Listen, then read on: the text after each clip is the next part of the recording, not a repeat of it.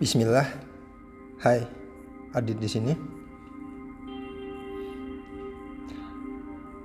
Sebelum kita mungkin memikirkan banyak hal lain, kita mungkin perlu melihat sejenak apa yang sebenarnya menjadi standar ketika kita berpikir. Ya, kebanyakan berpikir berkorelasi dengan masalah benar dan salah.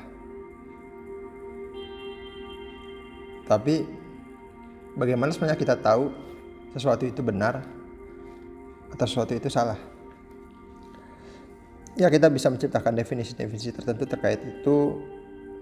Ya benar berarti konsisten.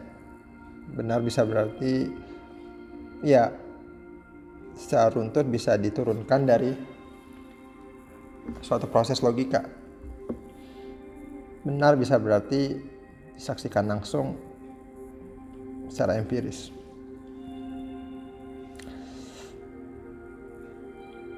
Atau mungkin kita coba lihat atribut yang lain. Ya, kita berpikir tentu saja dengan banyak atribut. Misalnya kita berpikir itu menilai menilai informasi-informasi yang ada dalam kepala kita. Anggaplah kita belum tidak perlu membahas sampai ke konsep seperti kebenaran. Misalnya anggaplah atribut besar misalnya ukuran. Bagaimana kita katakan sesuatu itu besar? Bagaimana bisa kita katakan sesuatu itu kecil? Bagaimana bisa kita katakan suatu durasi itu lama atau sebentar? Bagaimana bisa kita katakan sesuatu itu baik atau buruk?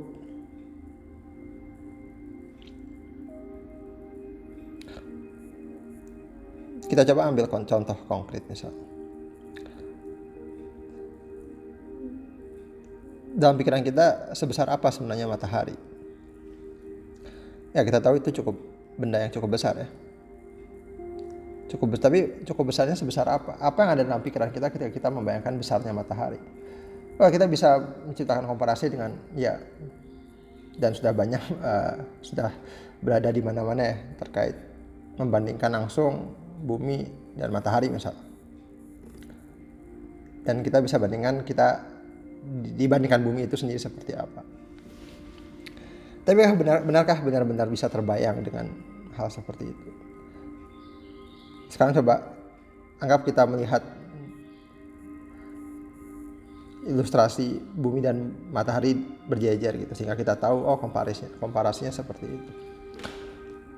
Tapi sebenarnya kalau kita bayangkan matahari langsung di depan mata kita gitu secara subjek. Kita bayangkan matahari itu di, depan kita ya, tapi tentu saja anggap tidak panas gitu. Apa yang terbayang? Wah sesuatu yang sangat besar. Mungkin bahkan tidak bisa kita bayangkan. Bahkan membandingkan kita sama bumi sendiri pun sulit tanpa suatu gambar lain dari sisi yang lain. Membayangkan kita berada di atas bumi ini yang sekarang kita rasakan datar, yang bahkan kok mungkin kawan-kawan pernah berada di suatu kota dan coba keliling kota tersebut terasa sangat luas. Bayangkan bumi itu berkali-kali lipat dari itu. Membayangkannya aja pun belum tentu bisa dalam uh, level yang akurat. Kita butuh beberapa tingkat perbandingan untuk bisa benar-benar langsung punya sense. Kita tidak punya kapabilitas untuk membandingkan secara langsung untuk suatu yang perbedaan ukurannya terlalu besar untuk membandingkan seberapa besar kita dibandingkan solar system dibandingkan tata surya misalnya wah sama sekali tidak terbayang hmm. meskipun kita bisa menciptakan ilustrasi terkait itu tapi sekarang uh, lepas ter, melepaskan dari ilustrasi tersebut coba dan kemudian berdiri dan kemudian membayangkan kamu berdiri kita berdiri di tengah suatu lapangan yang luasnya se, seluas tata surya. Nggak terbayang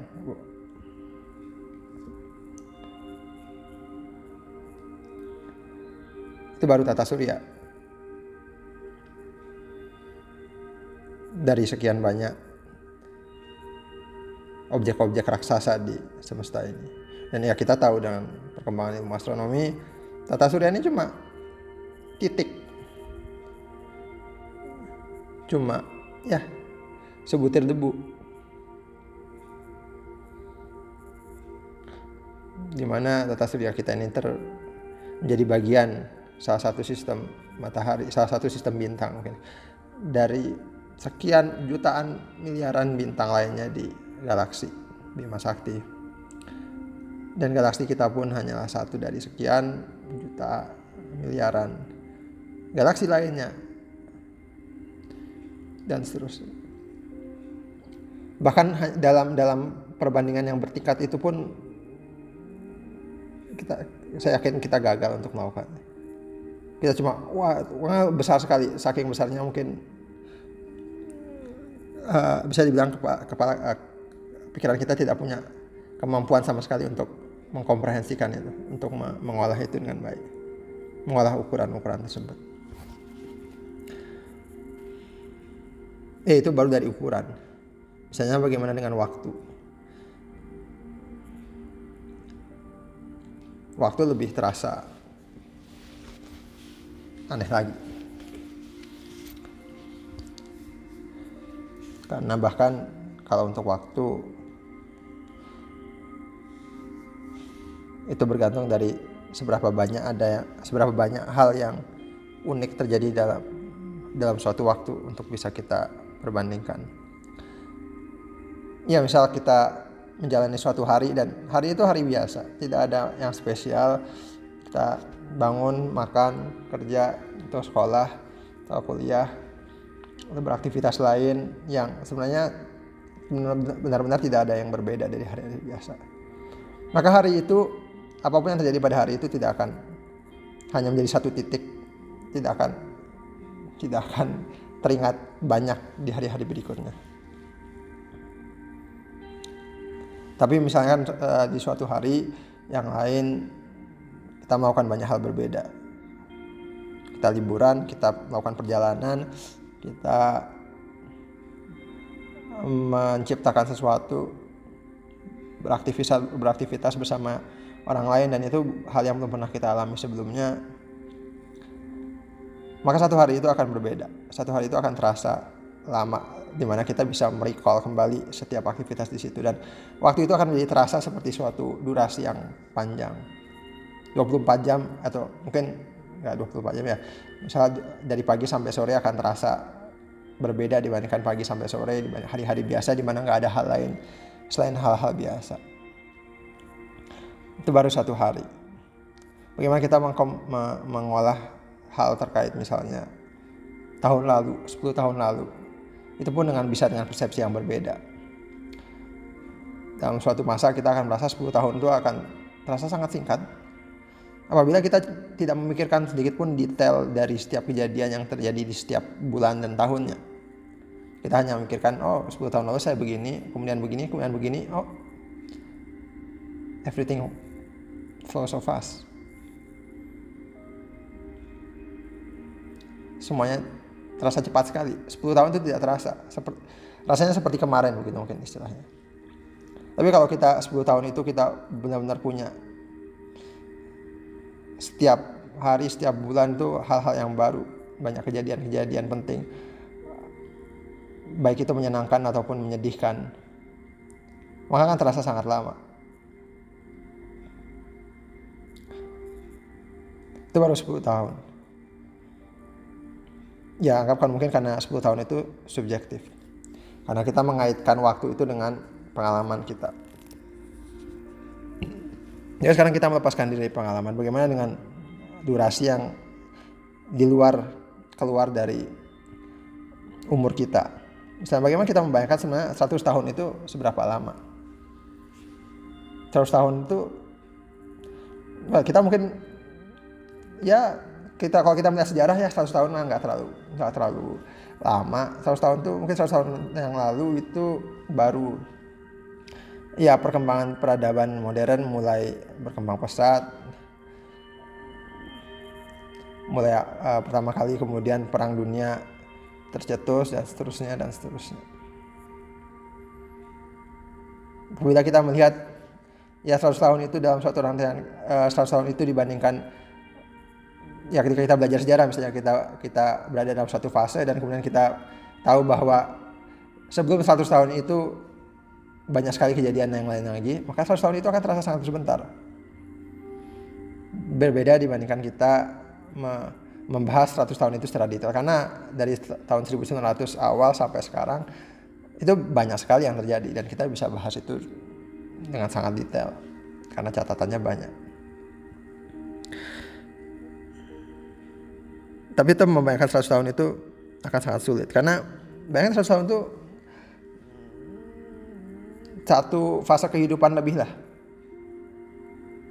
Ya karena anggap misalnya kita insya Allah hidup sampai 70-an tahun 80-an tahun umur kita ya maka lebih 20 tahun. Tapi 20 tahun itu sendiri lama. Saya sendiri umurnya baru 20-an tahun 20 tahun itu dari kita lahir sampai menjadi remaja itu lama sekali terasanya.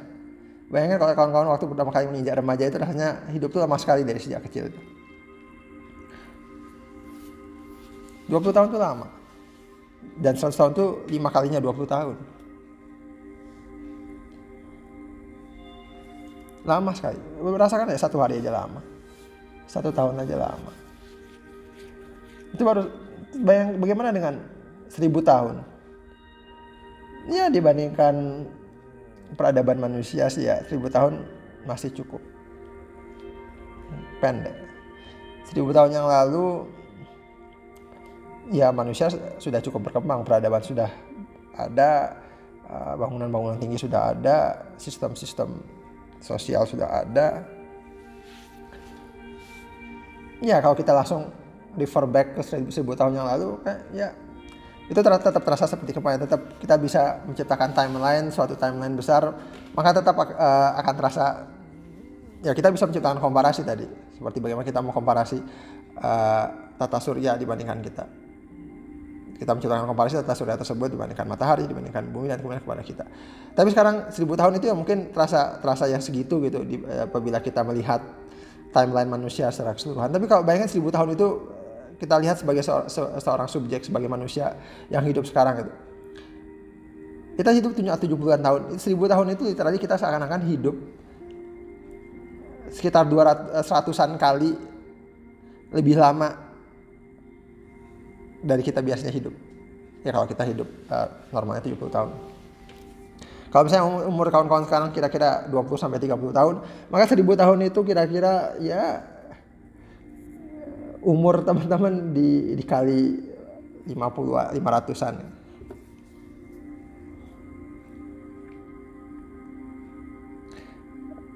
Sulit untuk membayangkannya sebenarnya. Itu akan menjadi hal yang sangat lama, 1000 tahun. Belum lagi kemudian kita ber, berbicara tentang satu juta tahun. Satu miliar tahun.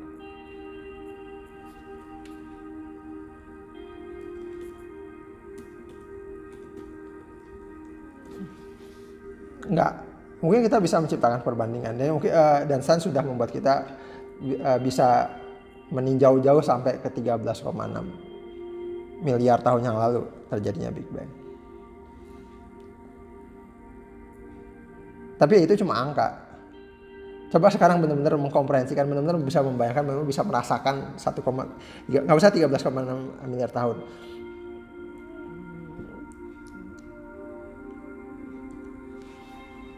Anggaplah uh, ke ya catatan sejarah paling tua 6000 tahun dari pertama kali peradaban tercatat. Memainkan 6000 tahun aja itu well tidak tidak bisa terbayangkan dengan baik. Ya karena memang ini terkait dengan bahwa pikiran kita itu selalu cuma bisa membandingkan. Ketika kita berusaha membayangkan suatu durasi, suatu atribut tertentu, suatu nilai tertentu. Tadi saya baru membahas terkait lama dan besar. Lalu saja ini berlaku untuk atribut lainnya, baik, ganteng, uh, maju dan seterusnya. Maka kita tuh pikiran kita cuma bisa membandingkan. Pikiran kita butuh satu patokan dan kemudian dengan patokan itulah kemudian kita menciptakan ukuran. Tapi dan tapi walaupun begitu kita nggak bisa cuma pegang satu patokan sebenarnya. Kalau kita misalnya menciptakan patokan dasar kita misalnya ya udah uh, patokan awal kita adalah kehidupan kita, kehidupan individu maka nggak akan nggak kita akan selalu sangat gagal untuk membandingkan untuk bisa mengkomprehensi untuk bisa benar-benar mendapatkan sense seberapa besar galaksi Bima Sakti. Oh itu super sekali besar kayak pokoknya benar-benar dibandingkan dengan kehidupan kita yang sekarang ini nggak nggak nggak komparabel. Jadi kita akan selalu menciptakan komparasi sendiri pun bertingkat. Kita butuh patokan itu banyak. Kita nggak bisa cuma satu titik patok udah kita membandingkan semuanya dari satu titik itu. Kita menciptakan berbagai uh, bertingkat-tingkat patokan bertingkat-tingkat uh, perbandingan. Dan itu karena memang pikiran kita begitu terbatas terkait itu. Pikiran kita cuma cuma cuma bisa cuma bisa menciptakan uh, ya mengukur suatu hal dengan ukur uh, hal lain uh, tanpa benar-benar bisa mengetahui bisa menilai sesuatu tersebut, ukuran tersebut apa adanya. Maka sesuatu itu benar-benar punya nilai ya apabila dikomparasi dengan hal lain. Dan itulah bagaimana pikiran kita bekerja. Dan sebenarnya kan memang itu menjadi definisi dasar dari kata rasio. Rasio itu ya tahu sendiri kan rasio sebagai sebuah kata itu artinya perbandingan. Rasio apa dengan apa ya, itu perbandingan apa dengan apa kan. Itu rasio. Ya tambah nol gitu. Rasional ya berarti ukuran perbandingan gitu. Di matematika kan bilangan rasional itu bilangan yang bisa dibandingkan. Bisa dibandingkan bisa dibagi. Ya kan karena perbandingan itu adalah pembagian kalau di matematika bilangan rasional adalah eh, bilangan yang dapat dituliskan dalam bentuk pembagian antara dua bilangan bulat di mana pembaginya nggak nol dengan demikian juga konsep-konsep yang rasional. Konsep-konsep yang rasional kan berarti ya konsep-konsep yang dapat dibandingkan ya uh, kasarnya ya. Meskipun kalau kita kawan-kawan mau lihat definisi di mana pun itu ya di buku-buku mana pun di kamus atau di konsep mana pun. Ya rasional didefinisikan dengan sangat sangat kompleks ya, rumit lah. Uh, bahkan sebenarnya tidak ada definisi pastinya. Karena setiap bidang bisa mendefinisikan itu dengan cara yang berbeda. Tapi ya rasional kalau kita mau ambil sense sederhananya ya ya dapat dibandingkan. Ya meskipun kalau kita bisa lihat rasional itu bisa di, dipahami sebagai masuk akal atau dapat berbasis logika gitu. Ya kan berarti kalau kita kaitkan ya berarti sesuatu itu masuk akal atau sesuatu itu dapat dilogikakan kalau dapat dibandingkan dapat dirasio dan itulah rasional itulah rasionalitas. Ya mungkin jadi jadi terasa seperti sebuah suatu konsep yang relatif ya. Artinya ya pikiran kita cuma bisa menilai suatu relatif antara benda lainnya begitu kan tapi pikiran kita memang, memang tidak punya cara lain. Tidak ada cara lain.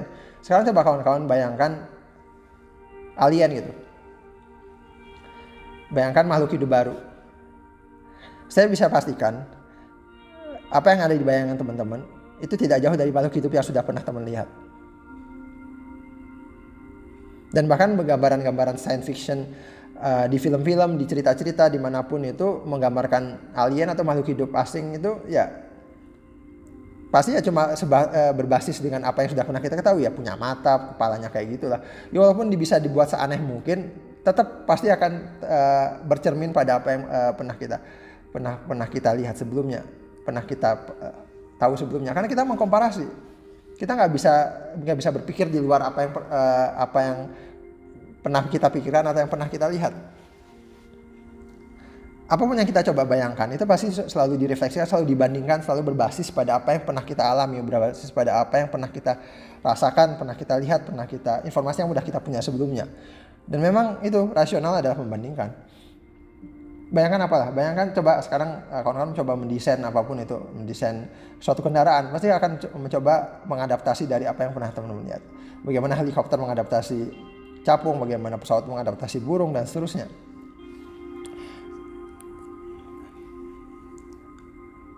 Bentuk-bentuk yang bentuk-bentuk yang kita kita gambarkan apa pun itu dalam karya seni dalam apa pun pasti merefleksikan dalam level tertentu ya. Mungkin bisa sangat abstrak atau mungkin bisa sangat ter, uh, konkret konkret langsung terlihat jelas gitu. Dari apa yang pernah kita alami dari apa yang pernah kita rasakan dari dari dari pengetahuan-pengetahuan dasar kita tanpa ada sesuatu yang baru Namun pikiran kita tidak bisa mencipta. Mencipta konsep tidak bisa. Pikiran kita cuma bisa mendefinisikan merumuskan konsep dari apa yang sudah kita pernah lihat. Berusaha membanding-bandingkan dengan apa yang sudah pernah kita tahu. Ya bagaimana kita tahu seberapa lama 13,6 miliar tahun, ya kita menciptakan komparasi bertingkat. Dibandingkan dengan umur umur tata surya, umur matahari, kemudian umur bumi, umur bumi dan umur uh, peradaban manusia dan kemudian umur manusia itu sendiri. Kalau teman-teman bandingkan seberapa lama 13,6 miliar tahun dibandingkan umur kita yang cuma 70-an tahun, wah nggak nggak terbayang sama sekali. Bahkan untuk membandingkan 7, uh, 70 tahun umur kita dengan umur umur peradaban 6000 tahun tadi, tidak kita tidak punya cara untuk itu sangat lama. 6000 tahun itu sangat lama.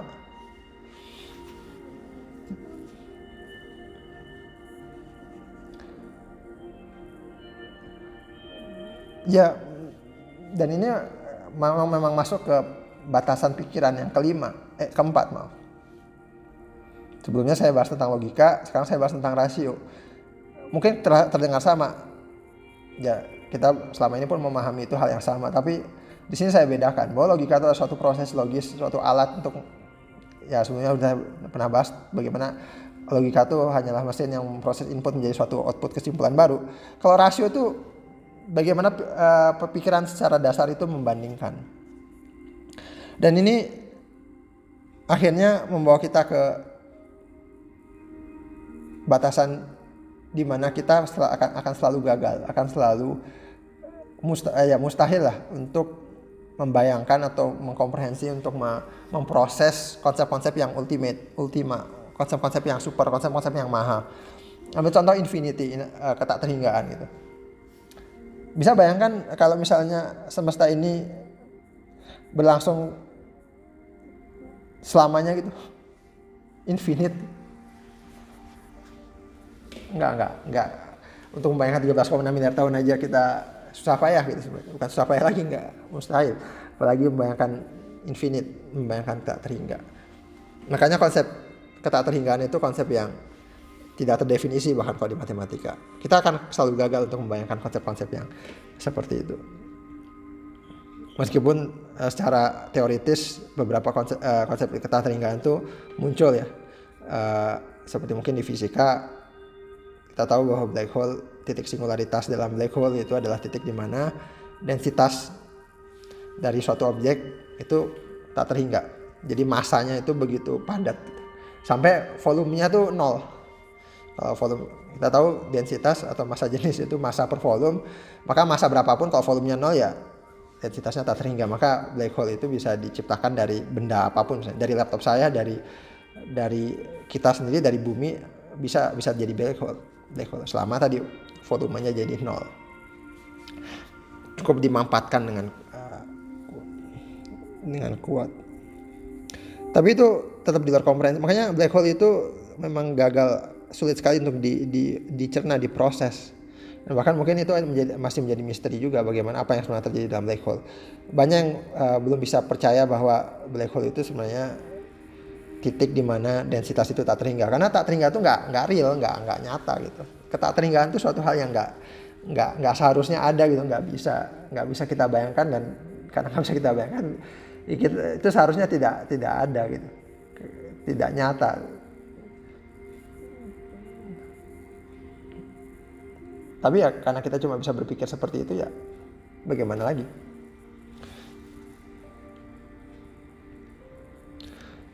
Apa pun yang uh, super apa pun yang ultimate itu kita nggak bisa. Bagaimana kita bisa uh, mengatakan apa yang uh, suatu konsep yang uh, yang sangat objektif gitu atau suatu yang super baik. Tindakan apa yang super baik gitu? Yang maha baik yang sangat sangat baik gitu. Benda apa yang sangat besar misalnya anggaplah untungnya gitu uh, sekarang karena keterbatas karena memang uh, kita cuma bisa melihat berdasarkan apa yang cahaya sampai ke dalam mata kita. Semesta masih bisa dikomprehensikan dalam suatu ruang yang terbatas. artis semesta yang dapat diamati namanya observable universe tapi bayangkan sekarang semesta itu tak terhingga nggak ada ujungnya nggak ada batasnya. Semesta itu nggak ada batasnya. Bisa bayangin nggak? Membayangkan semesta yang sekian uh, miliar uh, galaksi di mana setiap galaksinya uh, semiliar sebegitu miliar bintang dan setiap bintang itu seluasnya seperti itu sistemnya. Itu kita gagal untuk membayangkan bagaimana kita membayangkan sesuatu yang sangat sangat super sampai seperti tak terhingga dan demikian juga sebenarnya ini saya singgung dikit kenapa kita akan selalu gagal untuk memikirkan atau membayangkan atau berusaha memproses konsep seperti Tuhan. Karena Tuhan by definition itu entitas yang ultimate. Maha. Maha maha segalanya dengan semua sifat yang disematkan padanya. Kita akan selalu gagal. Kita akan selalu berusaha menyematkan itu, eh, menyemat, uh, menciptakan imaji-imaji dan mengaitkan entitas tersebut dengan dengan hal yang dapat kita proses gitu. Ya maka kemudian ya entah Tuhan itu diwujudkan sebagai sosok manusia, Tuhan itu diwujudkan sebagai apa? Pokoknya seakan-akan sesuatu yang bisa kita bayangkan kita nggak bisa membayangkan uh, adanya entitas yang super ultimate tanpa sedikit pun mengaitkan dengan apa yang kita bisa uh, proses. Sebagaimana tadi kita berusaha membayangkan alien, pasti kita akan kaitkan dengan apa yang bisa kita uh, apa yang apa yang pernah kita alami. Maka memang kita ketika ada entitas yang berkehendak seperti Tuhan, maka kita akan kaitkan dengan dengan dengan uh, dengan apa yang kita tahu. Apa yang kita tahu terkait entitas yang berkehendak ya manusia. Karena kita baru uh, tahunya satu-satunya entitas yang berkehendak selain Tuhan tentu saja. Itu manusia. Kita merasa kita berkehendak, hewan hewan dan semua uh, benda lain tidak berkehendak. Maka kita akan mengaitkan, menyematkan apa yang kita punya itu ke ke entitas Tuhan. Konsep baik, konsep uh, melakukan sesuatu, konsep uh, menginginkan sesuatu dan sebagainya itu kita kita mencerminkan diri kita gitu. Padahal sebenarnya kan nggak bisa. Karena by definition Tuhan itu ultimate versi versi besar versi tak terhingganya dari kita gitu. Artinya bayangkan tadi kita untuk membayangkan membandingkan diri kita dengan membandingkan di, uh, ukuran besar uh, diri kita dengan ukuran semesta yang sebenarnya terbatas saja masih uh, mustahil bahkan. Apalagi konsep yang tak yang tak terbatas. Maka kemudian akan lebih mudah untuk menolak konsep tersebut. Ya sama seperti kata teringgaan. Kata teringgaan itu konsep yang selalu selalu mudah untuk ditolak. Infinite regress, eh, sesuatu yang infinite, infinite itu pasti akan mudah ditolak. Di matematika sendiri pun konsep infinite itu konsep yang tertolak. Artinya dia nggak bisa didefinisikan. Bahkan kemudian uh, matematika itu menciptakan suatu mekanisme namanya kalkulus gitu. Untuk mencegah uh, yang namanya kata teringgaan itu ada Kalkulus itu diciptakan yang namanya limit uh, limit turunan seterusnya itu tuh untuk mengatasi yang namanya keterhinggaan tadi. Tak terhingga itu nggak boleh ada. Ya. Dan dalam fisika pun sebenarnya uh, konsep-konsep yang terbatas bahwa alam semesta ini dimulai dari Big Bang dan kemudian nanti dia uh, berakhir di misalnya uh, heat death gitu atau kemudian bahwa semesta ini terba, punya punya tepi itu punya batas itu akan lebih mudah dicerna dibandingkan bahwa semesta ini tak, tak terbatas ataupun uh, sebenarnya semesta ini sudah ada sejak zaman dahulu kala.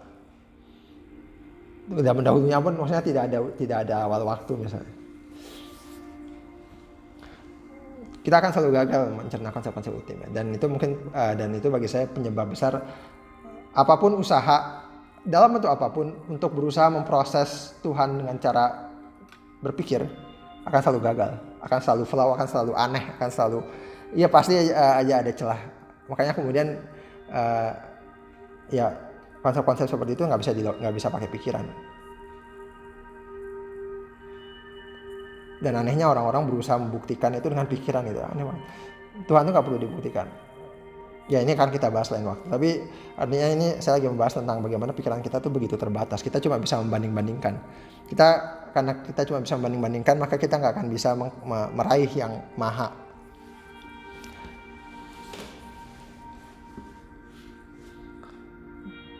Kita bisa membandingkan 2 dengan 3 kita bisa bandingkan 2 dengan 100 kita bisa bandingkan angka 2 dengan 1000 tapi kita nggak bisa membandingkan 2 dengan tak terhingga itu nggak bisa jadi dalam konsep matematis itu kan tak terhingga itu cuma suatu konsep yang di jauh sana gitu. Jadi kalau misalnya kita bayangin bilangan itu seperti garis real line namanya.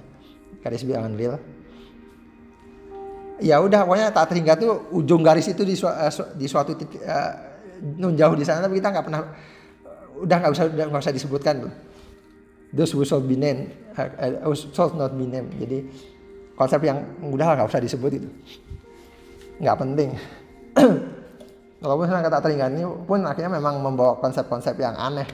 Uh, yang mungkin akan bisa uh, saya akan coba bahas uh, spesifik lain waktu terkait di dunia matematika ya. Bagaimana tak terhinggaan tuh ketika orang matematikawan mencoba me me memformulasikannya itu akan menghasilkan konsep-konsep yang luar biasa aneh an, uh, aneh dan tidak masuk akal gitu. Dan memang seperti itulah uh, pikiran kita begitu. Cuma bisa memproses yang finite cuma bisa memproses yang terbatas yang